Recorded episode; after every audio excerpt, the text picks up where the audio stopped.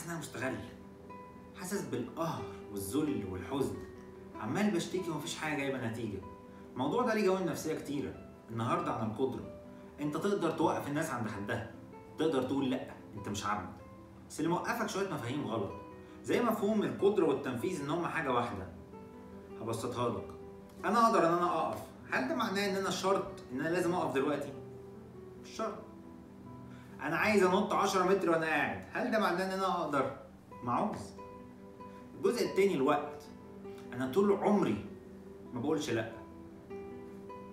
أنا طول عمري بقشر الرمان بإيدي. هل ده معناه لما اعرف ان هو ممكن يتخبط عليه بالمعلقة ان أنا محتاج استنى سنين قد اللي أنا قشرتهم؟ ما تستناش انك تنجح عشان تعرف انك تقدر. جرب هتكتشف انك تقدر.